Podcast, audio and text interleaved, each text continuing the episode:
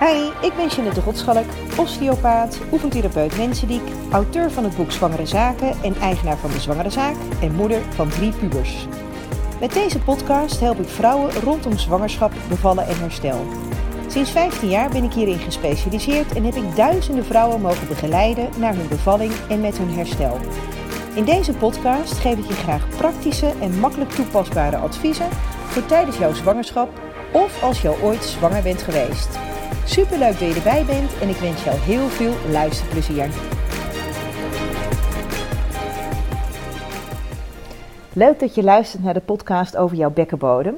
We beginnen met waar de bekkenbodem zich precies bevindt. Nou, het woord is op zich vrij logisch. Hè? Bekkenbodem, de bodem van jouw bekken. Hè? Of breder gezegd, de bodem van jouw romp. Het zit echt aan de onderkant van jouw romp. En het hangt aan de voorkant vast aan jouw schaambod.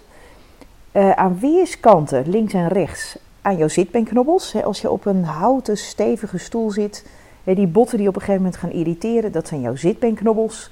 En aan de achterkant zit jouw bekkenbodem vast aan jouw staartbeen. En dat staartbeen is het eindpunt van jouw heiligbeen. Dat, dat gaat met een klein boogje zo naar binnen toe, naar voren toe. En tussen die vier botstructuren hangt jouw bekkenbodemspieren. Of hangen jouw bekkenbodemspieren. En die bekkenbodemspieren bestaan uit meerdere lagen.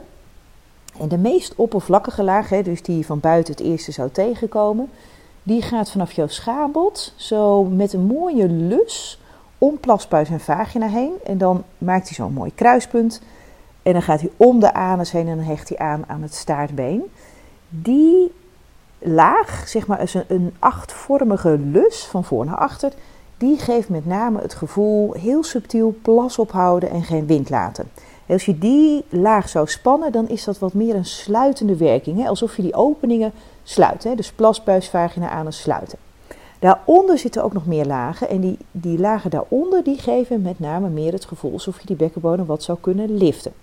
Nou lees ik af en toe wel eens artikelen of boeken of tips van... joh, je moet die bekkenbodem in tien etages naar binnen trekken. Nou, wel nee, dat hoeft echt niet. Als je die bekkenbodem maar goed kunt spannen en goed kunt ontspannen.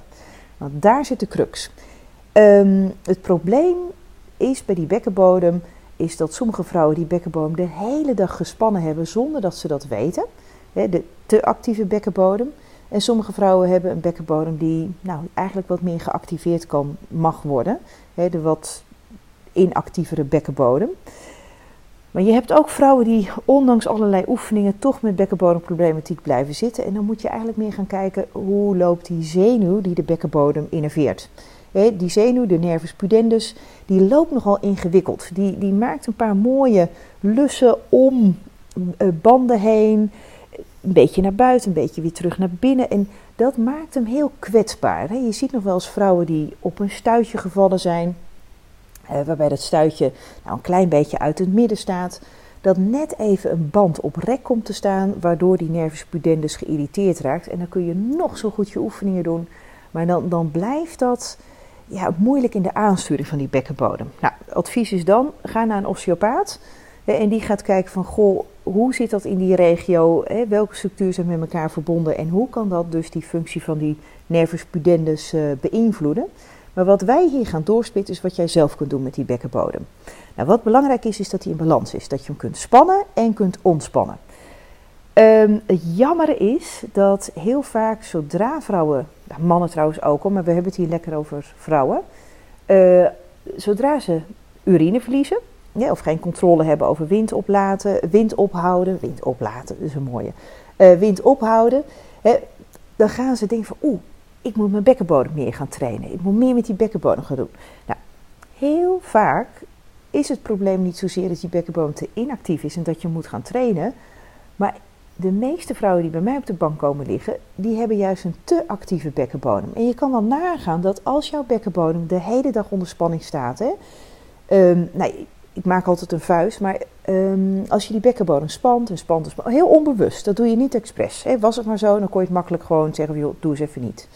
Maar goed, dat doe je dan onbewust. En als dan het moment komt dat je urine verliest, denk je, oeh, mijn bekkenbodem, ik moet meer spannen. Maar die staat al onder spanning, dus die kan niet nog eens een keer een stap daarbovenop. Dus die, die, die, ja, daardoor verlies je urine of een wind, of eh, wil je allemaal niet hebben.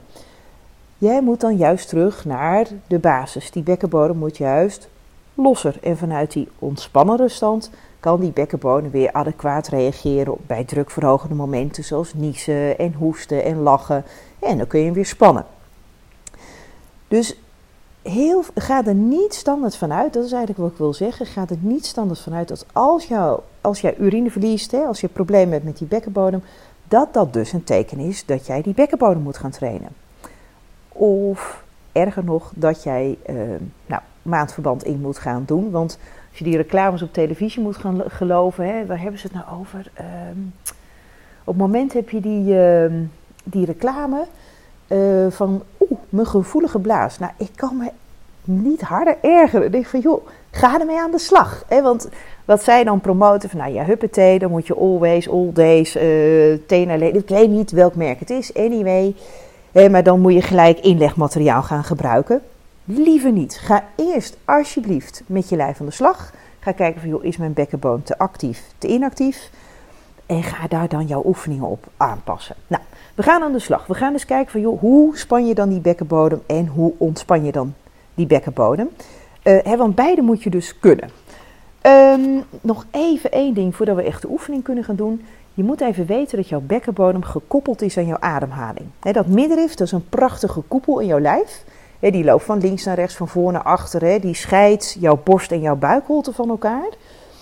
En als jij gewoon inademt, gewoon relax naar jouw buik toe, dan gaat dat middenrif mooi naar beneden. dan is er lekker veel ruimte voor die longen om met lucht te vullen. En alles wat er onder dat middenrif zit, wordt lekker weggeduwd. Je krijgt een beetje een bollere buik. Nou, ben je zwanger, en dan dus krijg je gelukkig een nog bollere buik. En dat veert allemaal weer terug als je uitademt en dan gaat dat middenrif weer omhoog. Dus middenrif gaat naar beneden, duwt alles wat eronder zit weg, alles wordt wat boller.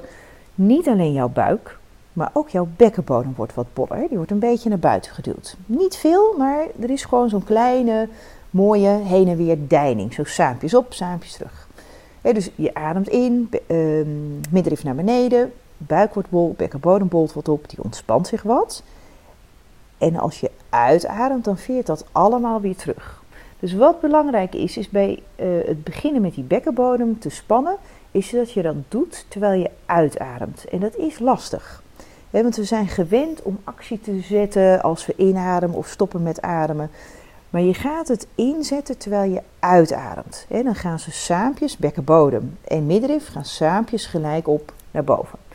want ga jij jouw bekkenbodem spannen terwijl je inademt, dat middenrif gaat naar beneden, verhoogt de druk wat naar beneden. En jij probeert dan, terwijl het misschien nog hartstikke moeilijk is, om die bekkenbodem te spannen, dus om wat te sluiten en te liften. Hè, waardoor je eigenlijk dus die druk verhoogt van binnen, waardoor het nog moeilijker is om continent te blijven. Dus wat je doet, je ademt in, je doet nog niks. En terwijl je uitademt, begin jij met het aanspannen van die bekkenbodem. Nou, daar gaan we nu mee aan de slag die bekkenbodem, hè, die mooie lus, zo die, die acht vanaf jouw schaambod, zo om plasbuis vagina heen. En dan dat kruispunt en dan de anus en zo door naar je staartbeen. Die acht, die geeft het gevoel heel subtiel plas ophouden, geen wind laten. Nou, probeer dat gewoon eens te doen. Je ademt in, je doet niets. En terwijl je uitademt, ga je heel subtiel plas ophouden, geen wind laten. En weer los. Maar echt heel subtiel. En dat is altijd lastig. Als we iets doen, dan doen we het graag en goed en 300 procent. En dat is bij die bekkenbodem nou net niet de bedoeling. Want dan ga je van alles en nog wat spannen wat er helemaal niet mee te maken heeft. Je gaat je billen spannen, je benen, je kaken, je tenen krullen op. Nou, noem maar op. Je stopt met ademen. Niet doen. Dus heel subtiel. Je ademt in. En terwijl je uitademt, heel subtiel sluiten. Dus plasbuis sluiten, vagina sluiten, anus sluiten. dus heel subtiel het gevoel maken, plas ophouden, geen wind laten en weer los. Maar dat is heel subtiel, dus dat is nog wat lastiger te voelen. Nou gaan we proberen die spanning wat te verhogen. Dan kom je bij die diepere lagen uit. dus je gaat zo met een plas ophouden, geen wind laten. En dan ga je proberen die lagen die daaronder zitten nog erbij te gaan spannen. Zonder je billen te spannen, zonder je kaken te klemmen, zonder je schouders op te trekken. Echt puur. Nou zie je het bijna als een inwendige spanning. dus daartussen die zitbeenknobbels, daar blijf je. dus alsof het inwendig is. Dus niet die billen erbij.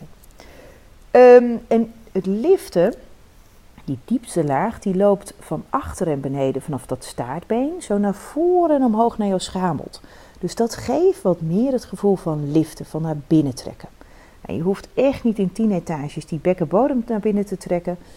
Nee, maar het gaat er wel om dat je die bekkenbodem kunt spannen, nog een klein beetje verder kunt activeren en vervolgens weer los kunt laten. En ook dan echt loslaten, niet stiekem zo halverwege blijven hangen. Oké, off we go. Je ademt in, je doet niets. En terwijl je uitademt, heel subtiel plas ophouden, geen wind laten. dus sluiten. En dan ga je iets steviger spannen door het idee te hebben dat je bekkenbodem wat naar binnen trekt. En weer los. Als je loslaat, en dan laat je die bekkenbodem dus weer zakken, een beetje naar buiten bollen. Nou, stel jij zit, of je zit op de fiets. Uh, nou, dat geeft trouwens een goede feedback voor die bekkenbodem. En dan zit je echt pal op jouw bekkenbodem. Beter kan niet. Een racefietszadel is misschien een beetje een tikkie te veel feedback. Ehm, nou, hopelijk zit je op een gewoon zadel of misschien zit je in de auto te luisteren. Nou, allemaal prima. Maar stel je doet de oefening zittend. En als je uitademt, ga je die bekkenbodem sluiten. Dus plasbuis, vagina aan sluiten. En dan ga je liften alsof je je bekkenbodem wat van jouw zitting, zadel kunt wegtrekken. Een beetje naar binnen kunt trekken. En heb niet het idee dat dat om meters gaat. Hè? Dat die bekkenbodem tot navelhoogte naar binnen kan. Dat gaat helemaal niet. en dat hoeft ook helemaal niet. Het is heel subtiel. Dus we doen hem nog een keertje. Je ademt in, je doet niets. En terwijl je uitademt, heel subtiel plas ophouden. Geen wind laten, een klein beetje naar binnen trekken. Een beetje liften, een beetje van je stoel afhalen en weer los. Dus voel of jouw bekkenbodem ook weer naar beneden zakt. Super belangrijk. want anders dan blijf je alleen maar in die spanning zitten. Oké, check. Oefening 1 was dat. En oefening 2, die moet je even op de wc doen. Um, nou, het kan zijn dat je er dus nu even niet aan toe komt. En dat je het voor later op de dag gaat bewaren. Ehm, dan heb ik het niet over stippeltjes plassen. Wees gewaarschuwd. Vroeger heb ik het een beetje over mijn moeders tijd. Nou, mijn moeder is bijna 80. En toen werd geadviseerd om die bekkenboom te trainen door stippeltjes te plassen. Nou, aan zich, je spant inderdaad die bekkenboom, daar is niks mis mee. Alleen wat, wat, wat gebeurt er dan, is als jij elke keer plas, stopt, plas, stopt, plas, stopt, plas, stopt. Op een gegeven moment denkt die blaas, ja, uh, nou, ik ben wel ongeveer leeg, dus uh, nou ja, ik geef geen prikkel meer door naar die hersenen dat je nog wat moet. Dus dan had je het idee dat je leeg was. Hè, dat die blaas gewoon klaar was met plassen en dat daar niks meer zat. Maar dat is niet zo.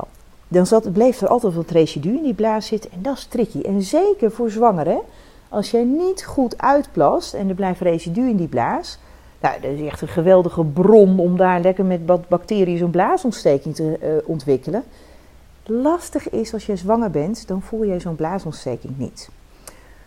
Dus dan loop je daar wat langer mee rond, nog wat langer mee rond en dan kan het naar boven trekken. Nou, een nierbekontsteking, jongens, die voel je wel en die wil je echt aan alle tijden voorkomen. Dus stippeltjes plassen, nee. Um, neem de tijd om te plassen, ja. dus als je geplast hebt, en vooral als je zwanger bent, hè, want als je wel zo'n plaatje hebt gezien hoe sneu het is voor die blaas waar die nu zit, uh, geef hem de tijd. dus wat je doet, je plast, op je gemakje, passief, plast. En als je dan denkt dat je klaar bent, kantel je gewoon even op je gemakje je bekken na. Dus holle rug, bolle rug, holle rug, bolle rug.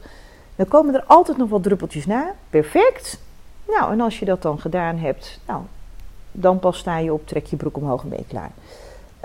Um, maar dat was niet wat ik nu wilde gaan zeggen. Wat wilde ik ook alweer? Oh ja, de oefening uh, op de wc om goed te voelen wat nou spannen en wat ontspannen is. Oké, komt ie.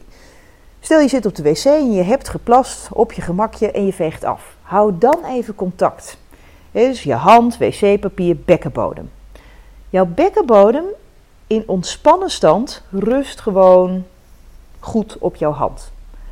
Als je dan, terwijl je uitademt, jouw bekkenbodem subtiel gaat spannen. Dus je spant, plas ophouden, geen wind laten. Uh, dus echt dat sluiten. En je lift een beetje, dus een beetje naar binnen trekken. Dan komt jouw bekkenbodem, als het goed is, wat lichter op jouw hand te liggen. hij verdwijnt niet ergens heen. Nee, nee. Hij houdt wel contact, maar het is heel subtiel dat je iets voelt dat die bekkenbodem wat minder zwaar op je hand rust. Als je dan vervolgens je bekkenbodem weer ontspant, dan is het de bedoeling dat jij voelt dat jij jouw bekkenbodem weer helemaal ja, in zich heel en alle zwaarte op je hand voelt terugleunen, zeg maar. Dus als je bekkenbodem spant, dan is het de bedoeling dat je een klein beetje lichter voelt rusten op jouw hand. En als je hem dan ontspant, moet hij gewoon weer terug kunnen komen in al zijn zwaarte op jouw hand. Nou, voel jij nou van, nou wauw, ik kan mega goed die bekkenbodem spannen, hè? dus helemaal geen probleem. Maar, mm, ook al wacht ik, er komt niemand terug, hè? die bekkenbodem zakt niet terug op jouw hand. Oké, dat is een teken dat je de komende tijd heel bewust die bekkenbodem gaat ontspannen. Door gewoon regelmatig door de dag heen te checken van, mm, oké, heb ik hem gespannen? Oké, kan ik hem loslaten? En loslaten is laten zakken, bollen laten worden. En soms voelt dat in het begin alsof je echt actief naar buiten aan het duwen bent zelfs. Nou, dat is heel raar. Dat je denkt, ja, dat voelt niet passief. Maar als je bekkenbodem mega sterk is en hartstikke actief, nou, dan kan het soms wat, ehm, wat moeite kosten in het begin. Voel je nou juist bij die oefening van, nou ja, weet je, ik doe mijn best en ik doe mijn best, maar er komt niemand omhoog. dus ook al geef je allerlei prikkels, joh, trek die bekkenbodem maar in, trek maar in, trek maar in. En er komt, ja, hij gaat echt niet omhoog, hij komt niet minder zwaar op je hand te rusten. Dan is het een teken dat je die bekkenbodem gewoon eens door de dag heen wat mag activeren.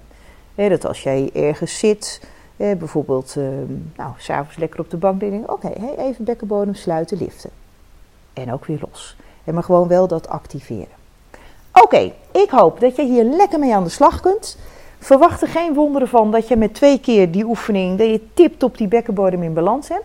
Het is een spier. Hè? En, en met, net als al jouw andere spieren hè, ga je naar de sportschool. En we weten ook dat één keer per maand naar de sportschool gaan niet zo heel veel zin heeft.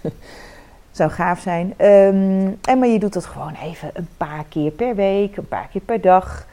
En dat gewoon een paar weekjes lang. En dan zal je echt merken van, hé, hey, grappig. Ik kan nu heel bewust die bekkenbodem spannen. En ik kan heel bewust die bekkenbodem ontspannen. Nou, super veel succes met je oefening. Ik hoop dat je er veel aan hebt. Um, ken je nou iemand waarvan je denkt, ah, dat is een hele handige episode voor haar? Stuur er gewoon even een, uh, het linkje door of uh, zet het even in je social media. Daar zou ik super blij mee zijn. Reviews op uh, iTunes ook heel graag. Hè. Dat maakt de podcast een stuk beter vindbaar. Heb je een vraag, stuur me gerust een mailtje. En ik zie jou graag bij de volgende podcast. Doei doei!